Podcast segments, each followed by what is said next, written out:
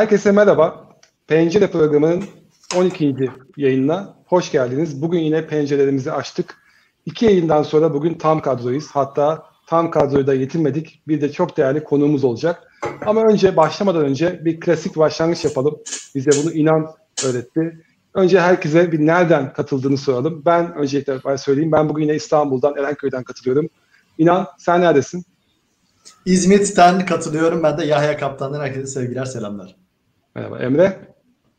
Ben İstanbul'a döndüm, Çekmeköy'deyim. Evet, hoş geldin Emre. Hoş ve bulduk. değerli konumuz Cengiz. Öncelikli olarak hoş geldin ve nereden katılıyorsun? Ee, hoş bulduk. Ee, herkese merhabalar. Bursa'dan katılıyorum ben de.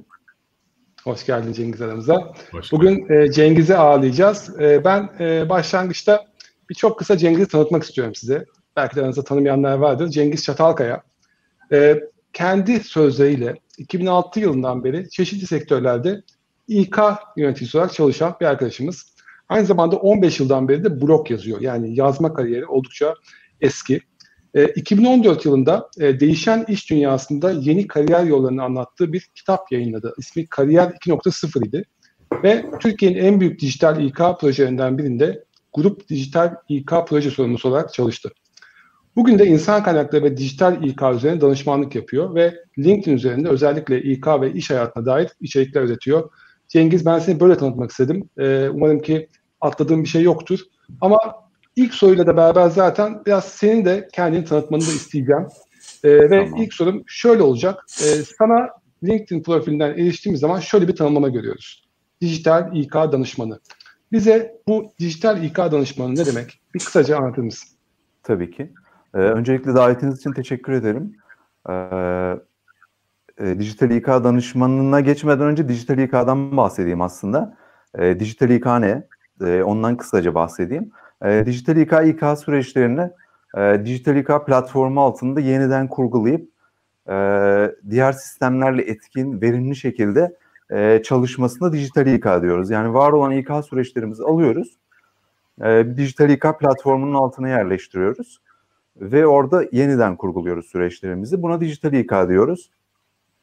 E, dijital İK danışmanlığı da bu sürecin danışmanlığı aslında. Yani böyle bir şeye karar verdiğinizde şirketinizde e, bu konuda danışmanlık yapıyorum. Tabii bu e, danışmanlık nereden geliyor? Biraz kısaca ondan bahsetmek istiyorum. E, e, son çalıştığım projeden geliyor aslında. Geçmişte de e, dijital İK ile ilgiliydim. Aslında Kariyer 2.0 yazarken de biraz bu konulara değinmiştim. E, 2018 yılında e, Türkiye'nin en büyük dijital İK projelerinden birinde çalıştım. E, OYAK'ta bir projeydi bu. Sıfırdan bir dijital İK yazılımıydı. E, yaklaşık 22 bin çalışanı ilgilendiren bir yazılımdı. E, tabii e, kurumun 8 ayrı sektörde e, 30'a yakın şirketi var. E, bunların hepsi e, bu projeye katıldı. E, toplam katılan İK'cı ve e, bilgi teknolojileri çalışanı sayısı 100 civarındaydı.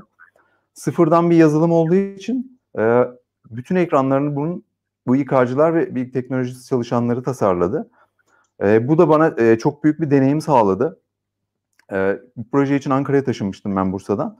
E, haftanın üç gün İstanbul'daydım. E, bir gün ya da iki gün Ankara'daydım. E, ofisimi çok fazla görmedim açıkçası. E, daha çok proje grubundaydım. E, yaklaşık e, bizim grupta 25 yönetici ve İK'cıyı koordine ediyordum bu süreçle ilgili. E, tabii e, burada dijital İK'nın yani insan kaynaklarının bütün süreçlerini biz dijitale aktardık. E, işte işe alımdan özlüğe, performansa, yetenek yönetimine. E, bunların hepsini yaparken benim başka projelerim de vardı şirkette. E, biraz dijitalle ilgili olmamdan kaynaklı ve e, e, sevmemle ilgili muhtemelen. E, aynı zamanda şirketin Bodro projesi de vardı. 9 şirketi için e, Bodro yazılımı yapıldı. E, bu projeyi de sürdürdüm ben bununla birlikte. E, bir de e, yine şirketin bir ERP yazılımı e, değişim programı vardı aynı süreçte. E, bu da SAP ile ilgili bir geçişti. Bu da üçüncü proje. Üzerine bir de PDKS eklenince benim hayatım iki sene boyunca tamamen böyle dijital İK süreçler arasında geçti. Gerçekten inanılmaz bir deneyimdi. Yani normalde bunu 5-6 senede falan yapmak gerekiyor. Ama biz bir seferde hepsini aradan çıkardık. E, tabii çok yoğun bir yönetim desteği vardı. E, çok e, bu konuda iyi İK liderlerimiz vardı gerçekten bizi yönlendiren. E, o yüzden çok zor zamanlarımız da oldu, kolay zamanlarımız da oldu. E, bunların hepsi bana e, güzel bir deneyim kazandırdılar. E, ve e, bu işi yapabileceğimi düşündüm. Evet dijital İK e, açık bir alan. Bu konuda bir şeyler yapılması gerekiyor. Şirketlerin buna çok ihtiyacı var gerçekten. Hem büyük hem küçük şirketlerin. Üzerine pandemi oldu. E, biz projeyi tamamlamak üzereydik pandemi olduğunda. E, ve pandemi olduktan sonra İK'lar hiç zorluk çekmediler mesela. Dijital İK sayesinde çok kolay çalıştılar. E, pitch ofislerine gitmeleri gerekmedi. Bütün belgeler ellerinin altındaydı.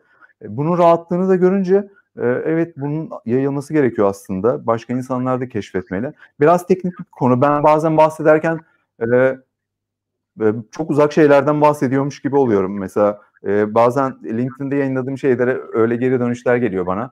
Ya hani anlattığın şeyler bize biraz şey geliyor tuhaf İK için. Biraz daha yazılım tabanlı. dijital İK danışmanlığı böyle başladı aslında. Harika. Bir kere e, özellikle bu kadar yoğun çalışmak muhtemelen sana herhalde şu anki bu enerjiyi de getirmiş. Hiç yerinde durmuyorsun. E, yarattığın içeriklerle e, bunu takip edebiliyoruz. Özellikle bu dedin ya bazen yazdığım şeyler böyle çok insanlara farklı geliyor. Oradan sanki bir ütopya kelimesini duydum. Bu da bana bir ikinci soru için e, farklı bir konuyu e, masaya taşıma e, ne diyelim, enerjisi verdi. O da bir kitap, bir e-kitap yayınladım e, yakın zamanda. Hatta Ahmet Er Yılmaz'la, sevgili Ahmet Er Yılmaz'la beraber yaptığınız bir projeydi. O projeye ben de katkı verdim. Çok da büyük mutlulukla. Ee, onun böyle bir ön sözünü okumak istiyorum. Çünkü bu bir e-kitap ama bu farklı bir e-kitap oldu. Biraz onunla ilgili senin görüşünü de rica edeceğim ama Ahmet Er Yılmaz ön sözde diyor ki hani sokakta birisi bir parça çalmaya başlar. Etraftan katılmaya başlarlar. Gittikçe kalabalıklaşır. Kendiliğinden bir konser çıkar. Bitince herkes hiçbir şey olmamış gibi yoluna gider. Bir iz kalsın istedik. Bu o dedi bu kitabın ön sözünde. Bize bu e-kitabı neydi, ne oldu e-kitabın hikayesini anlatır mısın? Tabii ki. Ee, Ahmet Hoca gerçekten orada söylenecek şeyleri söylemiş aslında. Ee, bir iz kalsın dedik. Ee, ben biraz hikayesinden bahsedeyim. Aslında hikayesi 2006 yılında başlıyor. Çok eskiden başlıyor. Ee, Tom Peters isminde bir yazar var. Ee, bunun İşinizi Yeniden Yaratın adında bir kitabı var. Bir pazarlamacı. E, her zaman ben biraz pazarlamaya da ilgi duydum. Biraz blog yazmakla ilgiliydi sanırım. E, Tom Peterson orada kontrastlar diye bir bölümü var kitapta. Dün bugün neydi ne oldu? E, onu gördüğümde direkt aklıma şey geldi. Bunu aslında İK için de yapmalıyız. Çünkü şu anda İK olarak çok zor zamanlardan geçiyoruz. Yani böyle bir tarihe bir e, iz bırakalım. Biz neler yaşadık, gelecekte bizi neler bekliyor. E, bunları yazalım diye düşündüm. E, dediğim gibi daha önce de kitap yazma tecrübem olduğu için e, bir kitap olarak düşündüm ilk başta bunu ama e, yoğunluğumun içinde bu bana çok zor geldi. Hani ya bir kitap yazmak mı yeniden mi? Zor bir iş gerçekten çünkü itiraf edebilirim yani bunu. E, burada birazcık Çevik'ten ilham aldım. E, biliyorsunuz Çevik süreçleri, proje süreçlerini parçalara bölüyor, sprintlere bölüyor mesela haftalık olarak. Dedim ki sprint olarak yapabiliriz aslında bunu. E, sonra Ahmet Hoca ile konuştum. Böyle bir şey yayınlamak istiyorum ne dersin diye. O da süper olur dedi. Hani çok güzel sen de katıl dedim. Tamam dedi. Ee, geçmişte de Ahmet Hoca ile böyle e, yaptığımız projeler var. Sonra dışarıdan e, birileri de katılmaya başladı. Bir açık kaynak haline dönüştü aslında. Bir işbirliği yaptık biz burada. Ee, sonra her hafta bunu oluşturmaya başladık. Bir baktık 17 hafta geçmiş bile. Sonra bunu bir e-kitaba dönüştürdük. Ee, çok güzel geri dönüşler de aldık. Yani birkaç şeyi birleştirmiş olduk orada. İşte biraz işbirliği, biraz açık kaynak, biraz çevik, e, biraz İK, biraz teknoloji. E, ama şey e, geri dönüşler çok güzel oldu ve yorulmadık yani bunu yaparken. E, ne de iyi yaptınız. Elinize sağlık. Vallahi gerçekten de içerisinde olmaktan da büyük keyif aldım ve son, son sonucuyla da çok gurur duyduğum bir çalışma oldu. Umarım devamı da gelir ki eminim ki gelecek. Çünkü yaratmadan duramıyorsun onu görüyorum.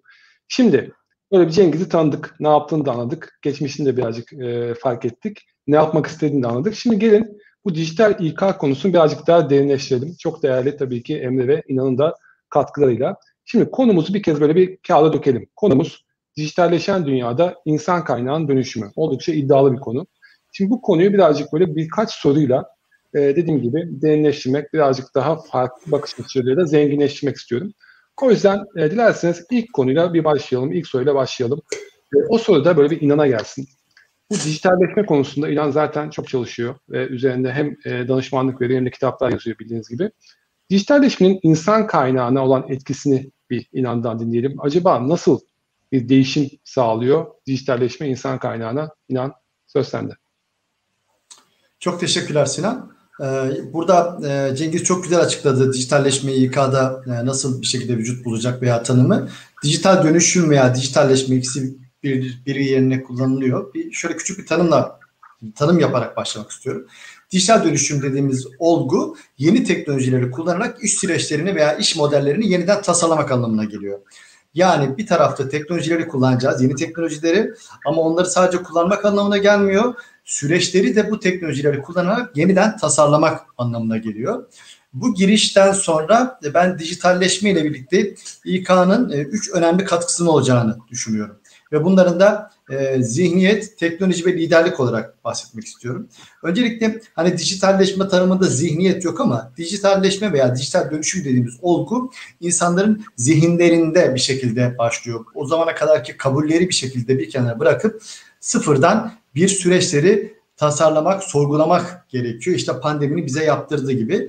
E, bu zihniyet tarafında bir şekilde insan kaynaklarının dijitalleşmesiyle birlikte neler değişecek dediğiniz zaman öncelikle e, şu an hala hazırda başlamış olan veya olmayan bugün olmayan yeni iş modellerinin, çalışma modellerinin bir şekilde iş hayatına girmesi hızlanacak ve de şirketler buna daha çabuk kabul e, edecekler, kucak açacaklar. İşte uzaktan çalışma pandemi öncesinde birçok şirketin soru işaretiyken şu an birçok şirket geçmek zorunda kaldı. Geçince de vay be ne güzelmiş e, diyenler de oldu hatta. Ama bunun dışında farklı iş modelleri de var. Örneğin e, mesela Results on the Work Environment diye bir model var. 2008 yılında bir şekilde ortaya atılan bir model. E, ama çok e, kullanılan bir model değildi. Şimdi baktığınız zaman çalışma hayatında özellikle beyaz yakalı olarak bizler nasıl çalışıyoruz?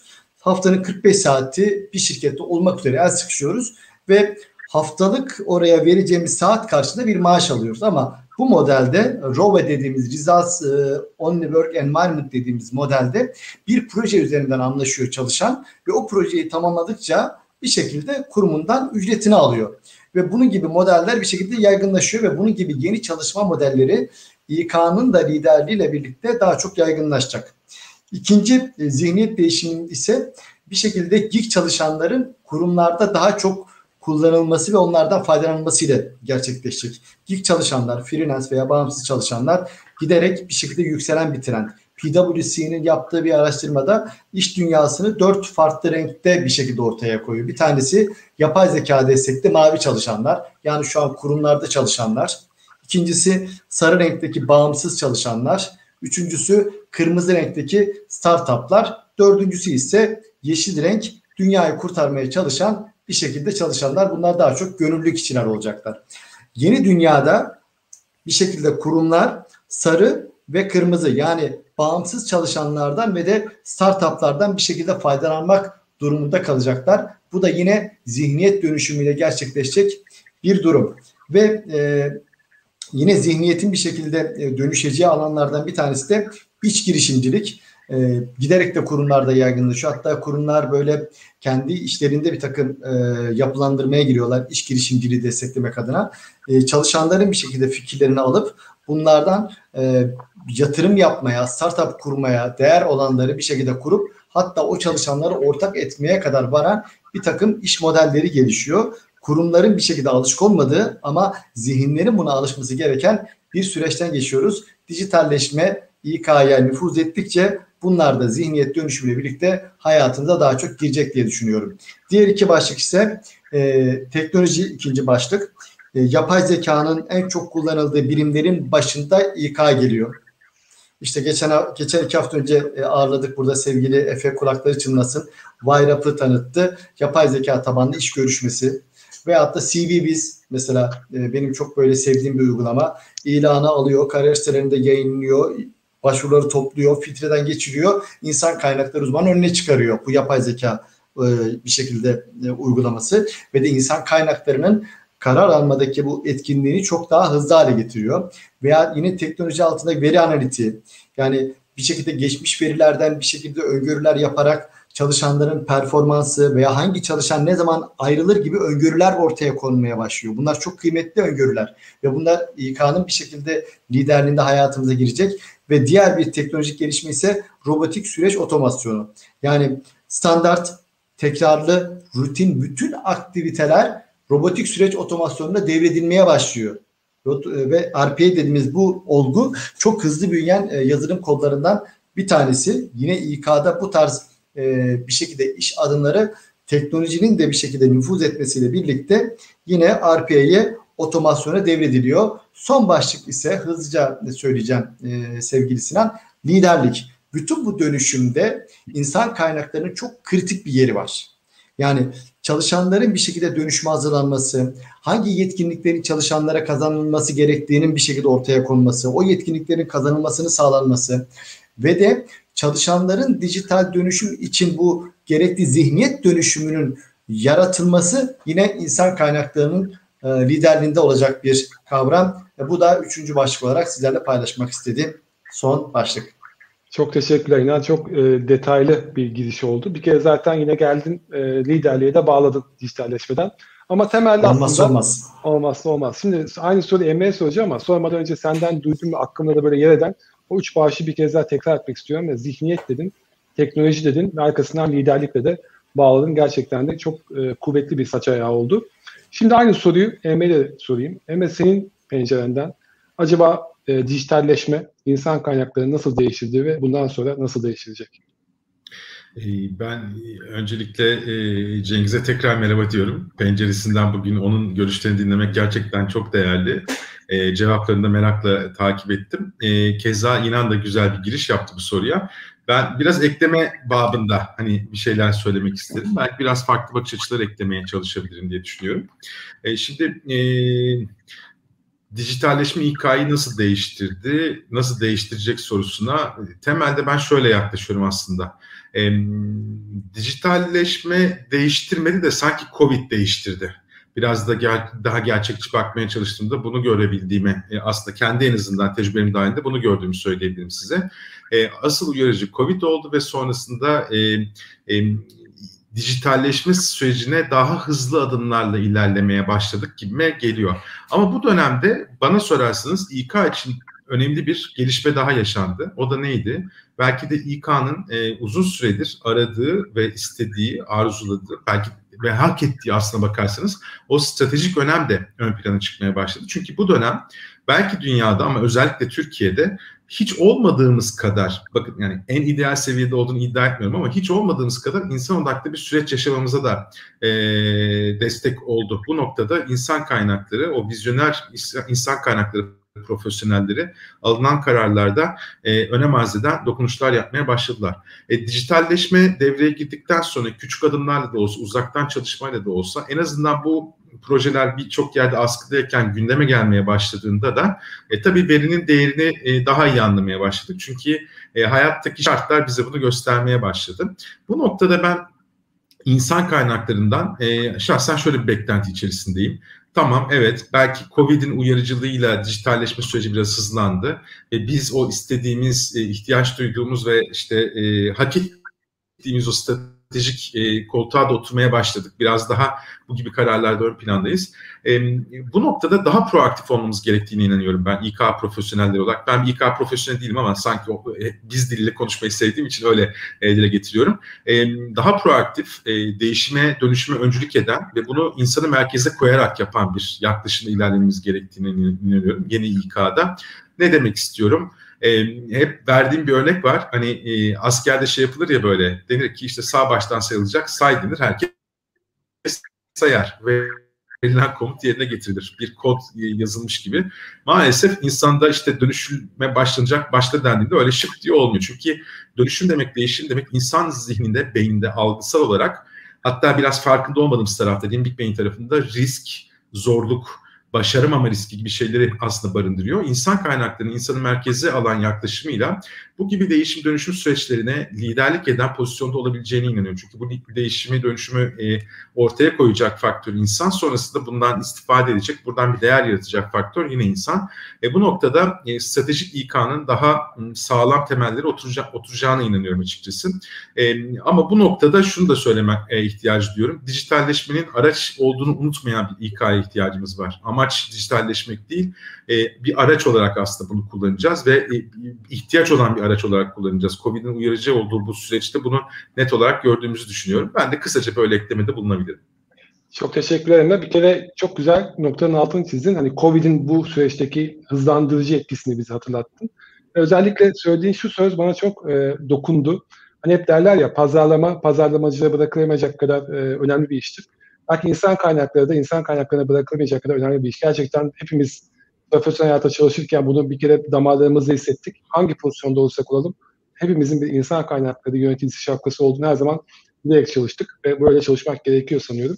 O yüzden bunu da böyle bir altın çizmek istediğim söylediğin sözler arasında çok da değerli olduğunu düşündüm.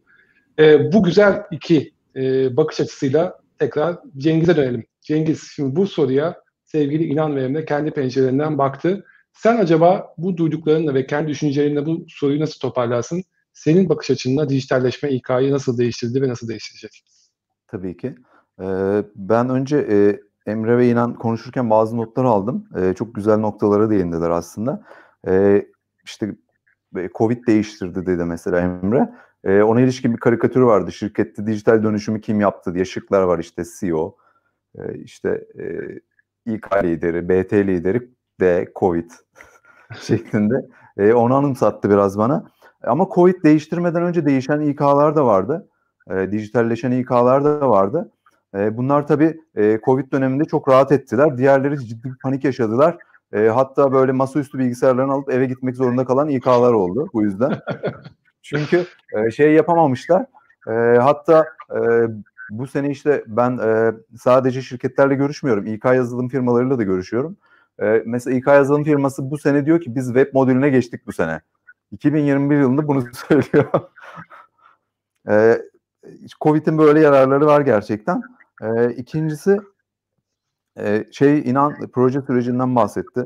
Şey pardon Emre proje sürecinden bahsetti. İşte dönüşümün e, acılı olduğunu söyledi, kolay olmadığını söyledi. Gerçekten iki sene bu süreci yaşamış biri olarak buna kesinlikle katılıyorum. Kesinlikle kolay bir şey değil. Zaten çok kolay bir şey olsaydı e, sonuçları yani muhtemelen çok iyi olmazdı çünkü şey gibi bu. E, bazen mesela e, yeni şirketler bana soruyorlar hangi programı kullanalım diyorlar. Mesela bu kadar dijital dönüşüm hikayeleri. Yani bu iş böyle değil maalesef. E, bu iş çok fazla ayrıntı içeriyor.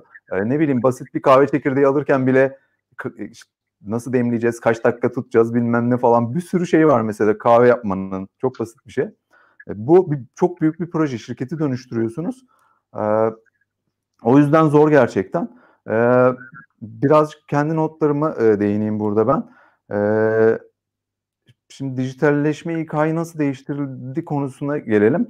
Ee, öncelikle hata oranını düşürdü. Çünkü manuel işlemi ortadan kaldırıyor dijital İK. Yani Excel'lerle çalışmayı sona erdiriyor şirkette. Excel'de veri tutmayı, e, mesela şirketin şöyle bir yapısı var. E, işte aylık olarak ya da haftalık olarak rapor gönderiyor sürekli merkeze. Bu raporların hepsi ortadan kalkıyor. İK'cılar 3 günlü haftada 3 günlü 2 günlü raporlara ayırmak zorunda kalmıyor. Bu İK'cılar için inanılmaz güzel bir şey. Neyle uğraşıyorlar bu sefer? Gerçek işleriyle uğraşıyorlar. insanla uğraşıyorlar. E, ama dijital İK'ya geçemezlerse neyle uğraşıyorlar? E, şu anda raporu bitirmem gerekiyor. E, Sinan yarın gelir misin ya lütfen ya. İK'ya gittim hiçbir şey yapmadı. Adam yüzüme bile bakmadı. Nasıl baksın ki adam rapor hazırlıyor adam. E, ve şeyi de kurtarmıyor bunu işte e, analitik yazılımları vesaireleri var. Onlar bile kurtarmıyor. Çünkü İK'cının yazılımcı olmasına gerek yok. E, ikinci yararı şu. E, bütün uygulamaları ve e, süreçleri standart hale getiriyor. E, nasıl yapıyor bunu? Şu şekilde yapıyor. Mesela e, biz e, 30'a yakın şirkette çalıştık projeyi. Şimdi birisinin diyor ki böyle olsun bu menü, bu seçenek olsun, diğeri diyor ki bu olsun. Ha, diyoruz ki biz şirket olarak burada bir standartımız yok bizim. Hemen standartı oluşturmamız gerekiyor. Ne oluyor? Aşama aşama bütün standartlar oluşuyor. Ee, ama tekrar altını çiziyorum. Burada güçlü bir yönetim desteği gerekiyor. Çünkü bazı şeyler şu şekilde oluyor. Ya biz 20 yıldır böyle yapıyoruz. Bunu yapamayız. Çalışanlara anlatamayız aslında mesela sizin bahsettiğiniz şey çok basit bir şey olabiliyor ama karşı taraf onu sürekli 20 yıldır öyle yaptığı için bunun hiçbir şekilde değişemeyeceğini düşünüyor. Ee, o yüzden standartlar e, oluşuyor. Bu da çok güzel bir şey. Başka çok güzel bir şey. E, yönetim İK'dan hep veri talep eder. Mesela toplantıya girersiniz. İşte İK'ya bir şey sorarlar not alır mesela sistemi olmayınca. Ne yapacak? birine sorması gerekiyor. Yani bahsettiğim şirket 200 kişiden oluşmuyor ki 25 bin kişiden oluşuyor. 20 bin kişiden oluşuyor. Şimdi adam arayacak fabrikayı, raporu alacak, bilmem ne yapacak. Ee, burada şu kısmı ortadan kaldırıyor dijital İK. Artık yönetim onu İK'ya sormuyor. Telefonundan kendisi bakıyor. Şundan bakıyor yani. Bütün veri burada. Ve, anlık olarak burada. Yani gerçek zamanda. Birisi işe girdiği anda artık o kişinin bütün verileri telefonun içinde. Ve bu sefer yönetimin size olan güveni de artıyor. Yani siz artık veri olarak çok güçlüsünüz. Hiç bu sorularda e, geriye düşmüyorsunuz, anında cevap veriyorsunuz. Hatta size sorulmuyor bile. Sizin ürettiğiniz veri güzel ulaşıyor çünkü. E, başka bir yarar merkezleşmeyi kolaylaştırıyor. Mesela biz e, son olarak şirket birleşmesi yaptık. Eğer dijital İK olmasaydı çok zorlanırdık. Çünkü herkes ayrı program kullanıyor. Bütün verileri nasıl birleştireceksiniz bir şirketin altında? E, çok uğraşmanız gerekiyor ama burada bir haftada bu işi çözebildik mesela dijital İK sayesinde. E, bir de şeyi e, düşünmek gerekiyor burada tabii. Dijital İK'ya geçmek e, şirketlere ne sağlayacak? Yani ben İK'cı olarak ya da yönetim olarak dijital İK'ya geçersem ne yarar olacak bana ya? Yani ne işe yarıyor bu? Hani tam bu kadar para vereceğiz de ne olacak yani? Ee, burada önemli olan şey şu. Öncelikle verimlilik artacak. İK asıl işine dönecek. Ee, mesela çalışırken çok gözlemlediğimiz bir şey. Ee, İK'dan bir şey istiyoruz. İşte fabrika İK bize o konuda geri dönemiyor. Şu işle uğraşıyorum, bu işle uğraşıyorum diyor. En son kalktık gittik fabrikaya bir hafta orada çalıştık. Yani bu evrakla ilgili çok fazla işi varmış İK'nın meğerse. Ee, ama dijital İK'dan sonra onların hepsi ortadan kalktı. Yani günde iki saatini kurtardık. Bu gerçekten İK için çok önemli bir zaman. Yani hem kendini geliştirmek için hem şirketi geliştirmek için. Ee, yine e, veri sürekli önümüzde olduğu için herhangi bir şey olduğunda çok çabuk müdahale edebiliyoruz. İşte maliyetleri görüyoruz, bütçeye akan rakamları görüyoruz. Anlık olarak görüyoruz. Bodro kesinleştiği anda görüyoruz. Ee, yine e, e, biraz uzattım galiba son kısmını söyleyeyim. Ee, çalışan verisine kavuşuyor. En güzel tarafı burası. Çalışan artık hikaye bir şey sormuyor. Bütün her şey önünde işte kariyer planı, izinleri, e, yöneticinin çalışanı kullandığı izinleri, işte son iki yıl önceki performans puanı, en son ne zaman terfi etti, yani bütün veri önünde. E, en son bunları söyleyebilirim e, ama yine altını çiziyorum çok e, kuvvetli bir yönetim desteği gerekiyor bunun için. Aynen yani bitirirken sen de yine liderliğe bağladın farkındaysan. E, ama çok güzel hani hashtagler duydum, e, bir entegrasyon duydum, bir e, merkezileşmeyi duydum aynı zamanda. Bir aynı zamanda bir standartlaştırmayı duydum ve verimlilik duydum. Hepsi aslında çok önemli katkılar. E, üçünüze teşekkür ediyorum. İnsan kaynaklarının nasıl değiştiğini konuştuk. Bir departman olarak veya bir zihniyet olarak veya liderlik olarak. E, ikinci kısımda da birazcık aslında dilerseniz insan kaynağına gerçekten de o insanlara bir dönelim. Biraz onlar üzerinden konuşalım. Acaba dijitalleşme insanları nasıl değiştiriyor? E, o anlamda yine inanla başlayalım. E, inana bu sefer şöyle sorayım.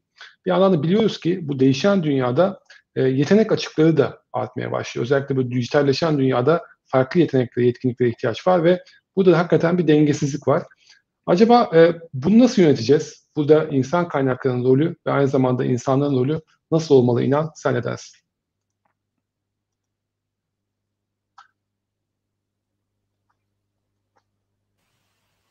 Sesim kapalıydı. İlk kim fark edecek diye kendim fark ettim. Ee, şöyle e, öncelikle de, dengesizlik kelimesi bence güzel. Ben onu tezat olarak söylüyorum. Yani iş dünyasında gerçekten bir tezat var. Şimdi bir tarafta iş arayan, işinden memnun olmayan ve iş değişikliği isteyen büyük bir kitle var. Çalışan kitlesi var. Diğer taraftan da aradığı yeteneklere ve çalışanlara ulaşmakta güçlük çeken kurumlar var.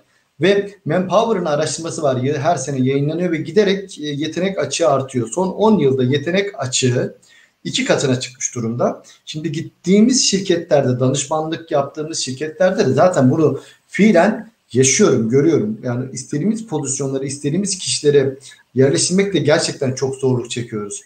Velhasıl e, bu yetenek açığı bir şekilde artarken insan kaynaklarının da farklı bir bakış açısıyla yaklaşması gerekiyor.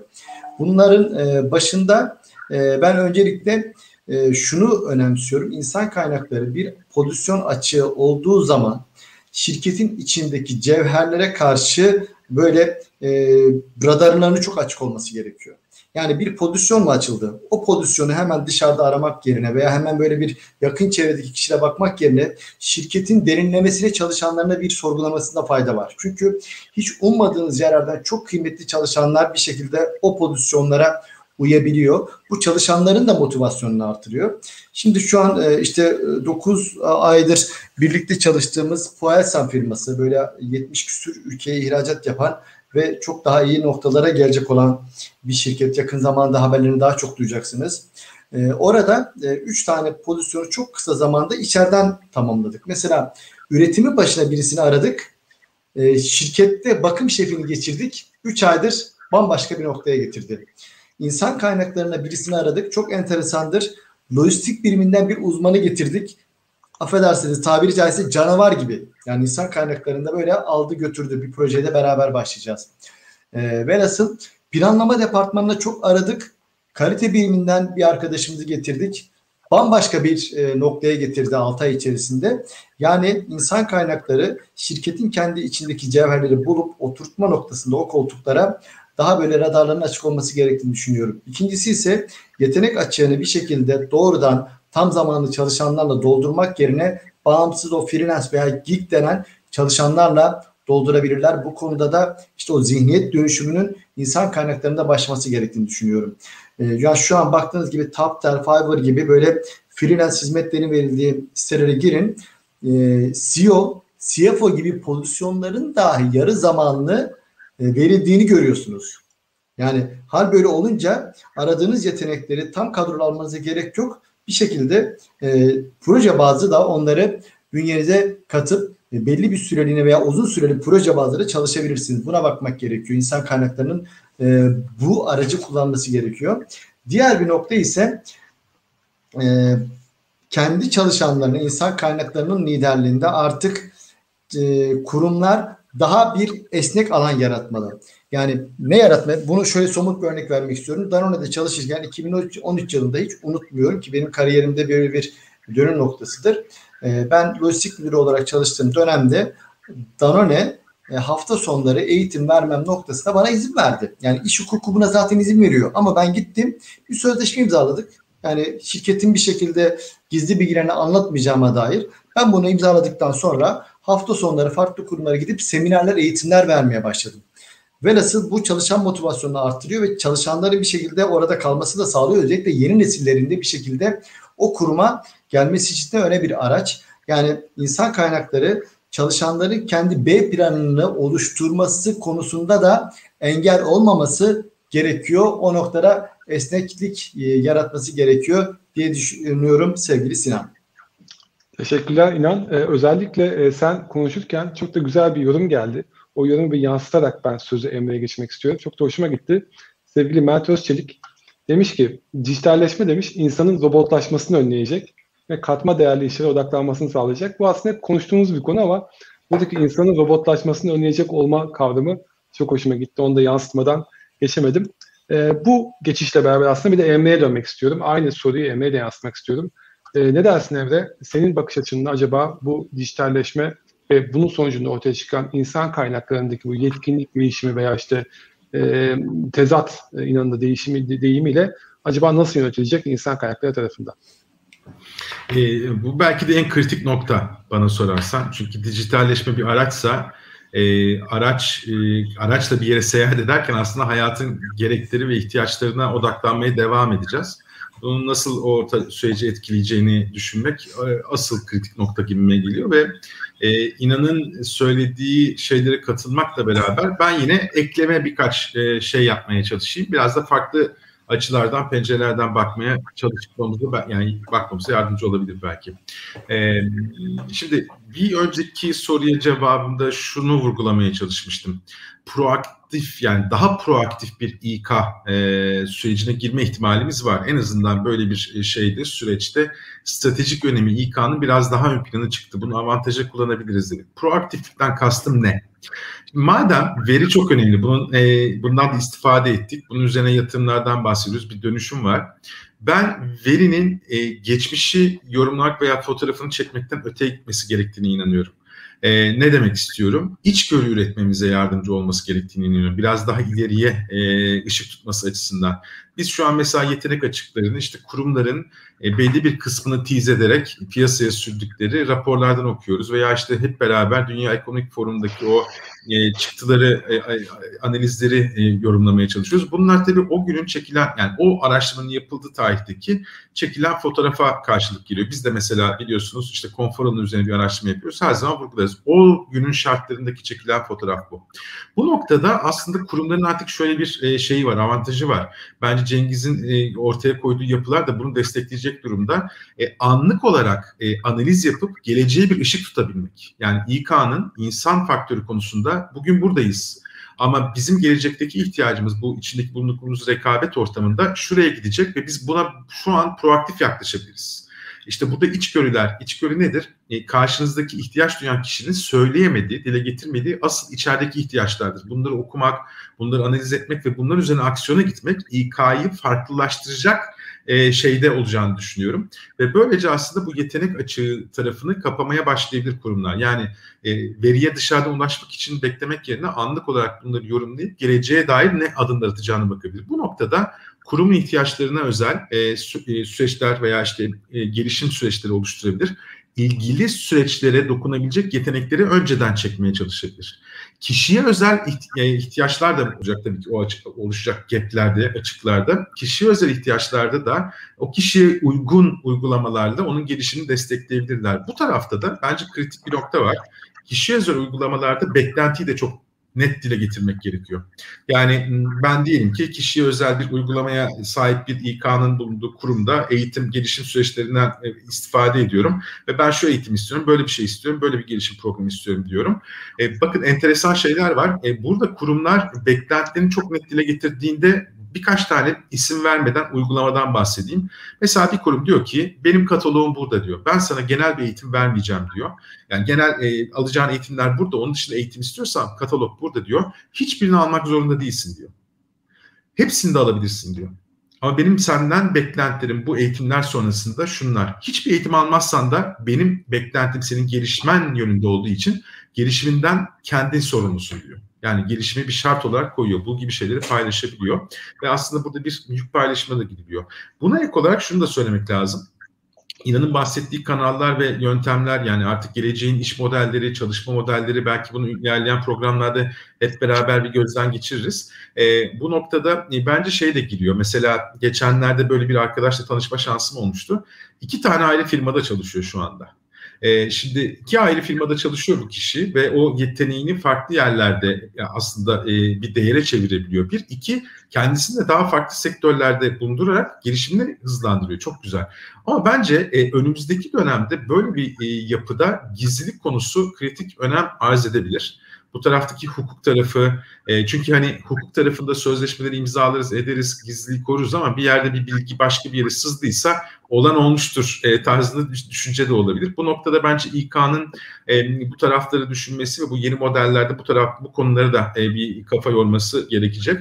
Ama e, genel olarak baktığımızda e, bence e, yetenekleri e, hangi tür yeteneklere ihtiyaç duyacağımıza bu verinin gücüyle proaktif şekilde önceden e, hakim olmak bu tarafta adımlar atmaya çalışmak en azından kurum buraya yönlendirmek kaynakları bu yönde e, yeni yetenekleri önceden çekmeye çalışmak ve doğru kanallarla onların ihtiyaçları dahilinde inanın da bahsettiği çalışma modellerinde e, onları daimi kılmak içeride o değeri yaratabilmeleri için. Bunu yaparken tabii bir şart da gerekiyor.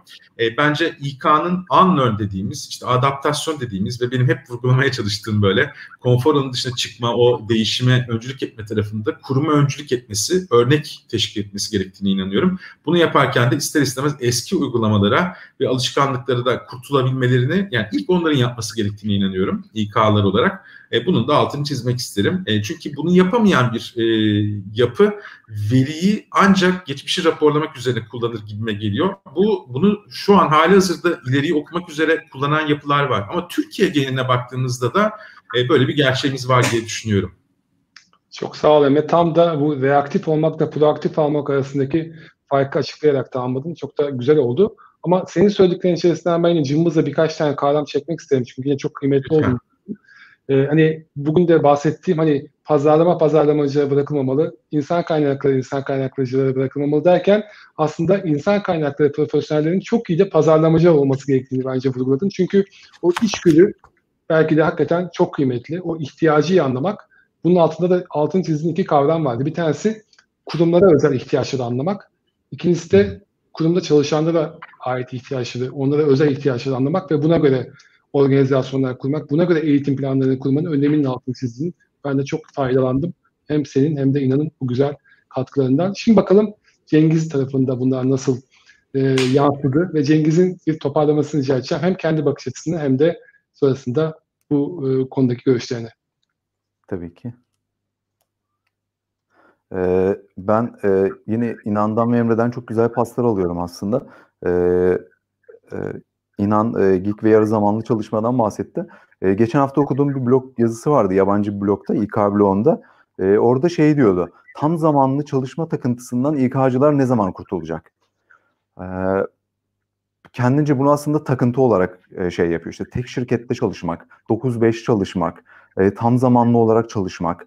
E, artık bunların yeni ekonomide yavaş yavaş kaybolduğunu, İK'nın e, yine Emre'nin söylediği gibi kendini buna hazırlaması gerektiğini, işte e, kişi bende çalışıyor ama başka bir şirkette de çalışıyor. Veri gizliliği ne olacak? Bunlar üzerine biraz düşünmesi gerektiğini, biraz geleceğe e, yönelik öngörüler yapması gerektiğini söyledi. E, bunlar çok güzel noktalar. E, İK'nın bu noktada birazcık kendini değiştirmesi gerekiyor tabii ki dijitalleşmeyle birlikte. E, yapıyoruz biz de bunu İK'cılar olarak. E, belki ileride İK dediğimiz şey tek başına İK'ya da kalmayacak. E, biz neydi ne olduğunun e, bir bölümünde mesela buna değinmiştik. İşte gelecekte İK e, bir departman olarak olmayacak. Çeşitli e, İK'nın görevlerini çeşitli departmandaki çeşitli şirketteki çeşitli yöneticiler yapacak diyordu. E, biraz ona gidiyor aslında iş. E, dijitalleşen dünyada e, yetenek art, açığı giderek artıyor gerçekten. E, iyi yeteneklere ulaşmak giderek zorlaşıyor. Burada artık İK e, proaktif hale geçiyor ne yapıyor? Ee, sürekli yetenek arıyor. Yani sürekli yetenek arama hali ne demek? Şu anda e, diyelim ki bir satış müdürü pozisyonu açığım yok. Ama benim satış müdürleriyle kontakta olmam gerekiyor. Yani benim satış müdürü ihtiyacı olduğum anda benim kimleri piyasadan satış müdürü olarak çekebileceğimi bilmem gerekiyor. Bunu sağlamanın yolu bir kendi network'üm. İkincisi de LinkedIn gibi e, şeyler, platformlar. E, bir de yeni arama yöntemleri gelişiyor tabii ki. Şimdi şu anki arama yöntemimiz nedir mesela? İşte işe alım talebi yapıldı. Ee, sonraki süreçte nasıl gerçekleşiyor süreç? İşe alımcı işte bir kariyer sitesinde e, ilan açıyor ya da LinkedIn'den e, bu profilleri tarıyor. Kesinti oldu galiba. Sesim geliyor mu şu anda? Yok geliyor geliyor. Devam edebilirsin Cengiz. Tamam. E, şimdi e, yeni arama yöntemleri gelişiyor. Bunlar nelerdir? E, mesela geçen gün e, ilginç bir şirkette karşılaştım. E, Visage adında bir şirket. E, bir Amerikalı şirket. E, buna bir talepte bulunuyorsunuz. Personel talebinde. Size 24 saat içinde ya da 48 saat içinde mutlaka geri dönüyor. E, nasıl yapıyor bunu? E, bunun için e, bir yapay zeka makine öğrenmesi kullanıyor kendi sisteminde. E, şimdi şey diyeceksiniz, e, yapay zeka mı? sadece yapay zeka değil farklı bir şey daha kullanıyor. Bu şirketin 4000 tane e, bu şekilde e, personel arayan yarı zamanlı çalışanı var ve bu sayıyı giderek arttırıyor. Yani siz de bu şirketin sitesine girip mesela e, onun çalışanlarından bir tanesi olabilirsiniz. E, size e, pozisyon düştüğünde LinkedIn'den ya da sizin elinizdeki e, kariyer sitelerinden vesaire ilgili profilleri bulup bu siteye gönderiyorsunuz. Sonra site ne yapıyor? E, site açılan iş ilanını ilgili kelimeleri süzerek sizin gönderdiğiniz profillerle eşleştirip sayıyı azaltıyor ve bir kısa liste haline getiriyor bunu. Ve bunu hemen şeye gönderiyor. İşe alımcıya gönderiyor. Böylece işe alımcı neyden kurtulmuş oluyor? Yüzlerce, binlerce seviyeyi taramış olmaktan kurtuluyor. Ama burada hoşuma giden bir şey vardı. Yani sadece yapay zeka e, henüz o aşamada değiliz yani. Henüz ona tam güvenmiyoruz. İnsan faktörünü orada çok güzel dengelemişler. Mesela isteyen herkes şu anda onun iş alımcısı olabilir. Bugün 4 bin, yarın belki de 50 bin. E, belki bunu yarın LinkedIn'de yapabilir. Yani bazı kişiler LinkedIn'de serbest olarak işe alımcı olabilirler. Siz Bir pozisyon eksiğiniz olduğunda e, direkt onlara danışabilirsiniz. Böyle şeyler gelişiyor.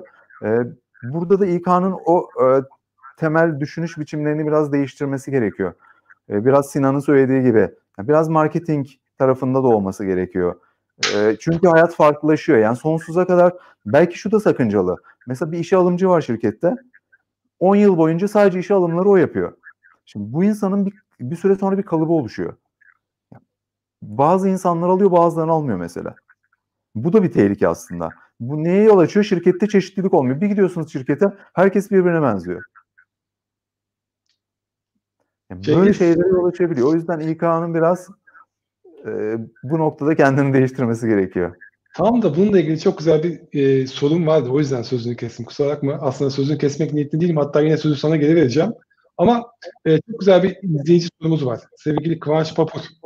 Demiş ki otonom insan kaynaklarına ne kadar yakınız? Belki de e, bu bahsettiğim e, işte o farklı kişilerden beslenen, o 4 bin kişiden bahsettim belki 40 bin, 50 bin olacak. insan gücüyle e, beslenen bir insan kaynaklarına doğru gidiyoruz en azından işe alımda. Buna çok benzer bir soru da e, sevgili e, yine Mert Özçelik ve İmran Şahin'den gelmişti. Ben onları da birleştirmiştim. İşe alımda veriyi nasıl kullanabiliriz? E, belki bu iki soruyu böyle bir birleştirerek, e, dedin ya daha orada değiliz ama neredeyiz? E, belki senden onu duyalım e, isterim. E, bir kısaca toparlarsan çok sevinirim bu iki izleyici sorusunu. Tabii ki. Ee, dediğim gibi daha orada değiliz. İnsansız yapamıyoruz şu anda o noktada. Yapılabilir mi? Yapılabilir tabii ki.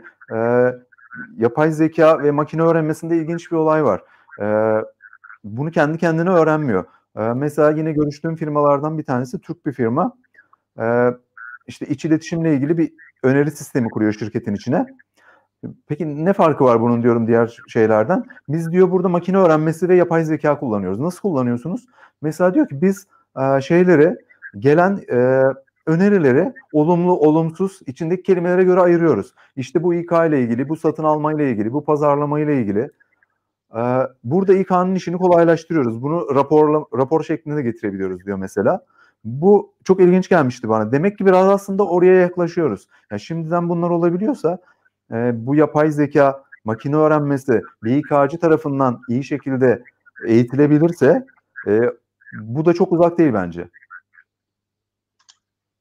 Çok sağ ol Cengiz. Ee, bir de benim sorum olsun. Bunu da bir izleyici sorusu olarak kabul edin sevgili Emre ve İnan. E, dilerseniz bu da son soru olsun. O da aslında bu insan kaynakları fonksiyonun değişimiyle alakalı. E, böyle bir soruyla kapatayım istedim. Değişik bir soru olsun. E, çünkü özellikle son dönemde e, LinkedIn'de çok gördüğüm bir ünvan haline gelmeye başladı. Kültür ve insan kavramı insan kaynaklarının bir değişimini acaba müjdeliyor mu diye de merak ediyorum. E, bu noktadaki görüşlerinizle özellikle önce Emre İnan sonra da varsa Cengiz seni de alabilsem çok sevinirim. Emre ne dersin? Tabii bence işte mesela amaç tarafına güzel bir soru. Dijitalleşme bu süreçte bir araç olarak destek olabilir. Ee, yani şimdi insan kaynaklarına baktığımız zaman ülkemizde bakalım özellikle personel yönetimiydi. İşte tabelalardan falan hatırlarız belki. Sonra insan kaynakları oldu. Ee, hala bazı yerlerde kabuk değişimi oldu ama içindeki özü hala personel yönetimi olan kalan yerler var. Türkiye geneline baktığımızda söylüyorum. Bu tarafta e, şöyle bir şey var. Türkiye'nin kendi markalarından öncü firmaları var. Bu bir gerçek. Bunlar e, işte insan ve kültür tarafında çok önemli çalışmalar yapıyorlar. Bunun ne kadar önemi arz ettiğinin farkındalar ve aslında diğer fonksiyonları biraz e, işte e, belki işte İnan'ın ve Nisa Nur'un kitabında bahsettiği, e, dijital yakılılar kitabında bahsettiği konu. Sürekli yaptığımız düzenli işleri artık bir yerden sonra yazılımlar, dijital süreçler teslim edeceğiz konusu ve ne diyoruz? Daha önemli katma değerli işlere e, döneceğiz. İşte bu bence o taraftaki önemli bir nokta. E, bazı yerlerde kabuk değişti. Öz henüz tam olarak değişmedi belki. E, ama e, bu da bir niyet göstergesidir. Değişim dönüşümde konuştuğumuz gibi şıp diye olmuyor. O noktada bence güzel bir e, nokta ve e, stratejik İK için önemli bir adım. Bunu veriyle destekleyip e, kültürü farklı bir şekilde ele aldığımızda aslında bakarsanız e, kurumun e, herhangi bir sallantıda, belirsizlikte veya krizde e, güvenlik mekanizmalarını da kurmaya başlıyoruz. Bu noktada ben şuna inanıyorum. E, ciddi anlamda vizyoner İK liderlerine ihtiyacımız var.